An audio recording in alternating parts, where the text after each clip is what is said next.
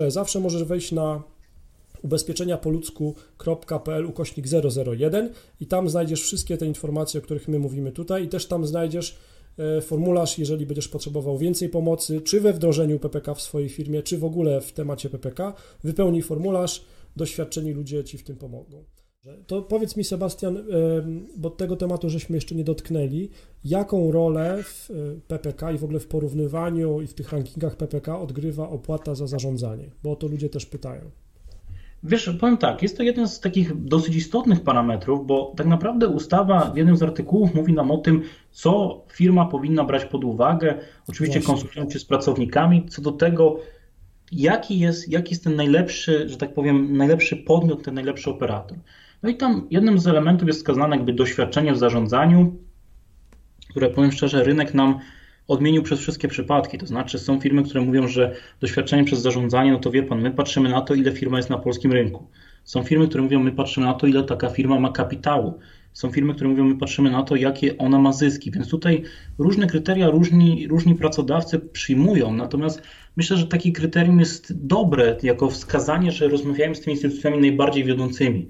E, tak jak wspomniałem, tych 20 instytucji to są też bardzo rzetelne podmioty. Tutaj nie można mieć absolutnie żadnych zastrzeżeń do jakiegokolwiek z nich, bo są to banki, są to towarzystwa funduszy inwestycyjnych, e, jakby działające. To są firmy, które można powiedzieć tak, że jeżeli potencjalny konsument, który gdzieś tam obraca się w świecie instytucji finansowych różnych, spojrzy na tą listę, powiedziałbym spokojnie 70-80% instytucji kojarzy od razu.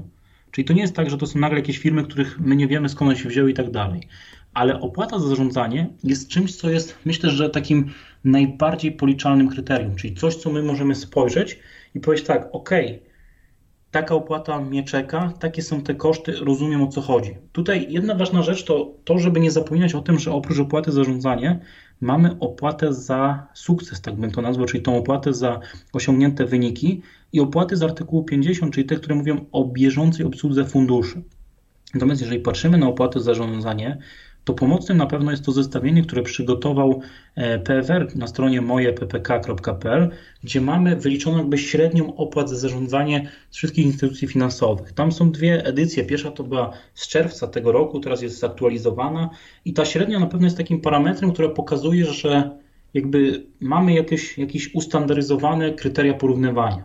Tutaj oczywiście ja zawsze zastrzegam, bo na przykład w poprzedniej edycji firma, z którą współpracuję, była na pierwszym miejscu. I dużo osób mówiło, o to Państwo macie najlepszą ofertę. Ja mówię, wiecie Państwo, to też nie można tak powiedzieć, bo średnia jest pewnym parametrem, który pokazuje jakiś środek.